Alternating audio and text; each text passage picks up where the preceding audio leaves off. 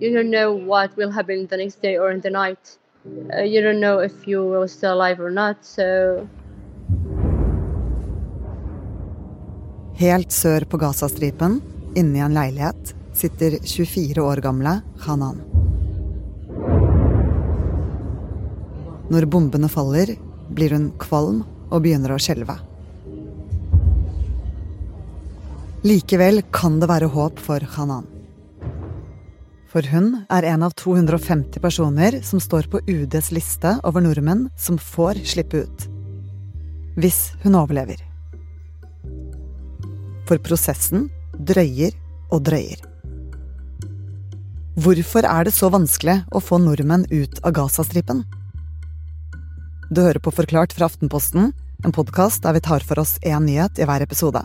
I dag om veien ut av bomberegnet. Jeg heter Synne Søhol, og det er fredag 10. november.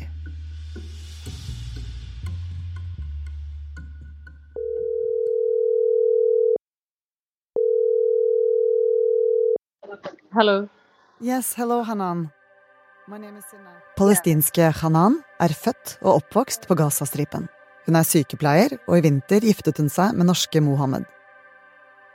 Planen var å flytte til Askøy utenfor Bergen, hvor mannen bor, men så ble.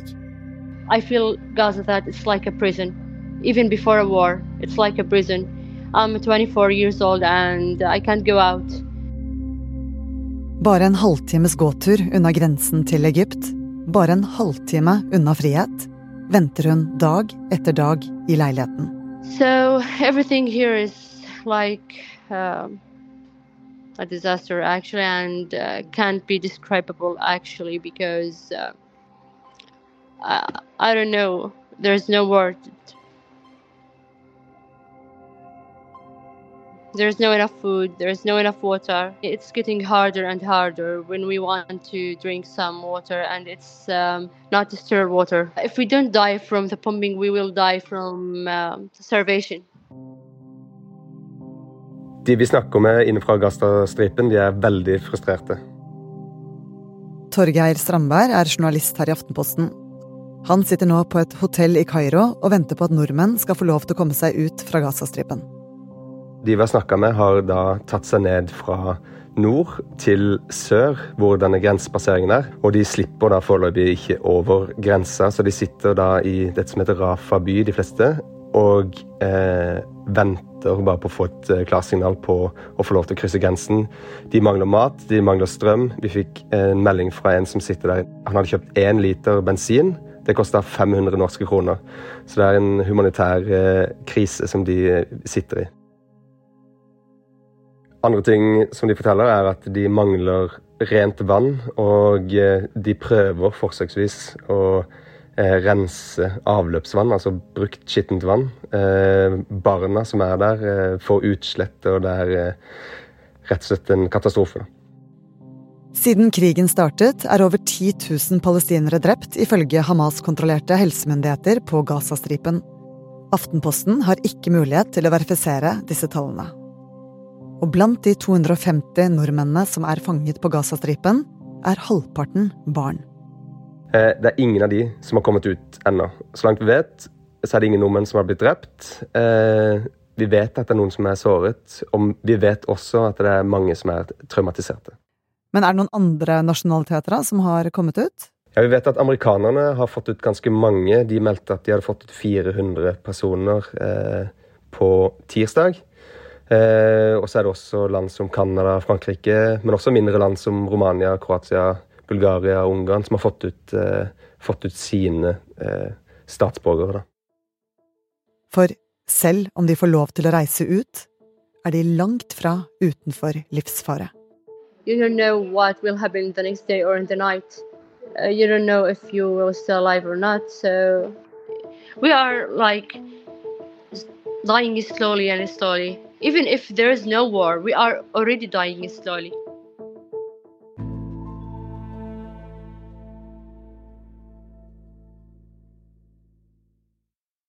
Helene Skjeggestad, du er journalist og har jobbet med saken om nordmennene på Gazastripen. Hvordan ser det ut på grensen mellom Egypt og Gazastripen? Grensepasseringen over til Egypt har tidligere vært brukt av for eksempel palestinere som har personlige grunner, eller kanskje trenger medisinsk hjelp til å, til å komme ut til Egypt. Og de siste årene så har egentlig denne grensepasseringen vært stengt flere dager enn den har vært åpen, og det er rett og slett ikke en veldig eh, godt utbygga grensestasjon, da. Og nå er den altså den eneste vei ut for tusenvis av desperate mennesker som vil ut av Gaza.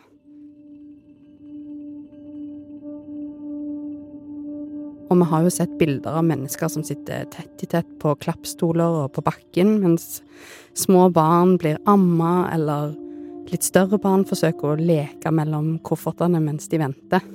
Og er de så heldige å slippe gjennom, må de først passere to sjekkpunkter. Deretter så kommer de til et område som bare kalles ingenmannsland. Hva er det som menes med ingenmannsland? Ja, i denne sammenheng så er ingenmannsland eh, området mellom Gaza og Egypt. Og når de kommer inn her, så kan de møte representanter fra de ulike landene, som eksempel Norge. Og når man da skal inn i Egypt, så må eksempel vaksinepasset være i orden. Og hvis det ikke er det, så må de jo da få vaksiner i dette ingenmannslandet. Her kan de òg skrive ut nødpass, som er viktig, eh, siden det er kun personer som er nevnt med navn og passnummer fra israelske myndigheter, som får lov til å passere inn i Egypt. Og mye av grunnen til det er at eh, disse landene ikke ønsker at soldater fra Hamas krysser grensa.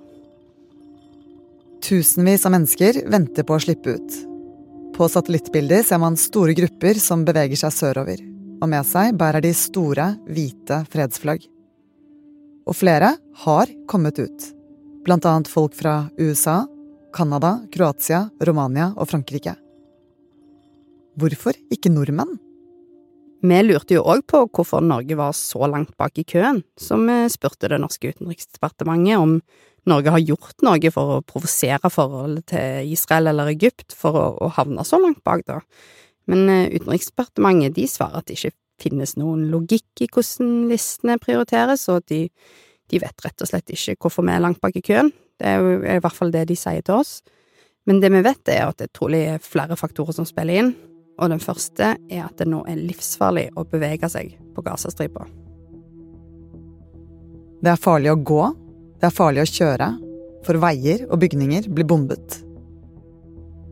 Israel skal knuse tunnelene til Hamas. Krigen har jo nå gått over i en ny fase, og FN har sagt at Gaza er i ferd med å bli en gravplass for barn. Det er ingen plasser å gjemme seg, og du vet aldri hvor neste bombe faller, så bare det å bevege seg mot grensa er et sjansespill. Den andre grunnen til hvorfor det er så vanskelig å få nordmenn ut, er byråkratiet, med mye papirarbeid og lange lister. På denne grensepasseringen så er det Egypt som offisielt styrer showet. De har mottatt lister fra ulike land som har sine statsborgere inne i landet. Så er det jo et lite mysterium hvordan disse listene prioriteres. Det som de har sagt, er at de først skal slippe over personer som ønsker å forlate Gaza før grensa stengte. Det var jo mange grunner til å ønske å forlate Gaza også før det israelske storangrepet, så her er det vel en slags tanke om at de som meldte seg først, skal først ut. Men på den lista sto det ingen norske statsborgere. Hvem er det som avgjør hvordan denne køen ser ut? Ja, det offisielle svaret er Egypt og egyptiske myndigheter, men det er jo klart at her er det flere kokker inne i bildet. Og det leder oss over til grunn nummer tre storpolitikk. Grensen styres i praksis av tre parter Egypt, Israel og Hamas. Egypt og Israel ønsker å unngå til enhver pris at Hamas-krigere krysser grensa. Enten det er som skader i en ambulanse, eller under en falsk identitet, eller fordi at de har dobbelt statsborgerskap. Og for Israel så handler jo det om at de ønsker å knuse Hamas sin struktur. Eh, for Egypt så handler det om at de ikke ønsker at Hamas sitt eh, mer radikale tankegods skal få godt fotfeste i Egypt. Så hvert land passer jo på sine egne interesser. Men det er jo en mager trøst for de utenlandske statsborgerne som vil ut, og så er det jo en enda magrere trøst for de palestinerne som ikke kan dra.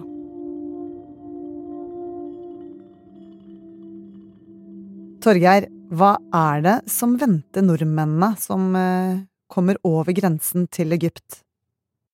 Norsk utenrikstjeneste har jo da booket flere busser som står da ved grensa eh, ved Rafa, og som skal ta nordmennene til Kairo, hvor de har leid sånn, et konferanserom hvor man på en måte får fysisk behandling, hvor man får helseteam, det er folk som kan hjelpe dem med hjemreise.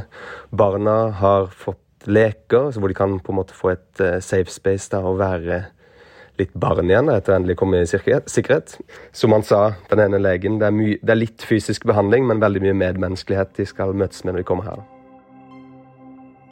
Her inne skal de etter flere uker med intensiv krig. De har vært på flukt. De har flykta fra bomber. Endelig få trygghet, mat, besøke legen, og så skal de få hjelp til å reise hjem. My passport uh, is in Egypt, especially in Cairo, and uh, one will give me my passport there. I don't know what will be going on. Uh, I'm just waiting, and I don't know if um, if I will still alive or not. I'm 24 years old and I'm never go out or seeing a sky or flying through a plane. Uh, it's a dream for me actually, to flying through a plane and seeing the world outside Gaza.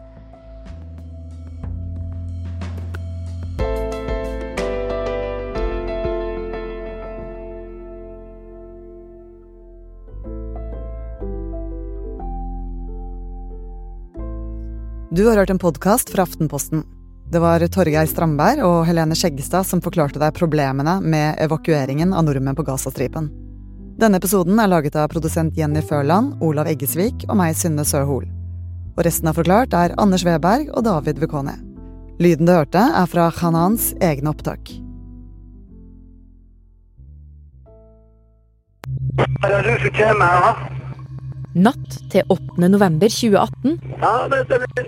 skjer det som ikke skal skje. Med en gang. Med et krigsskip til 4,3 milliarder kroner.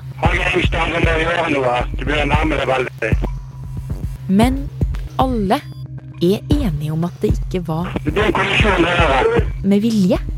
Altså, det er ingen som har lyst til å krasje en fregatt. Og hva er poenget med å straffe vaktsjefen på Helge Ingstad da?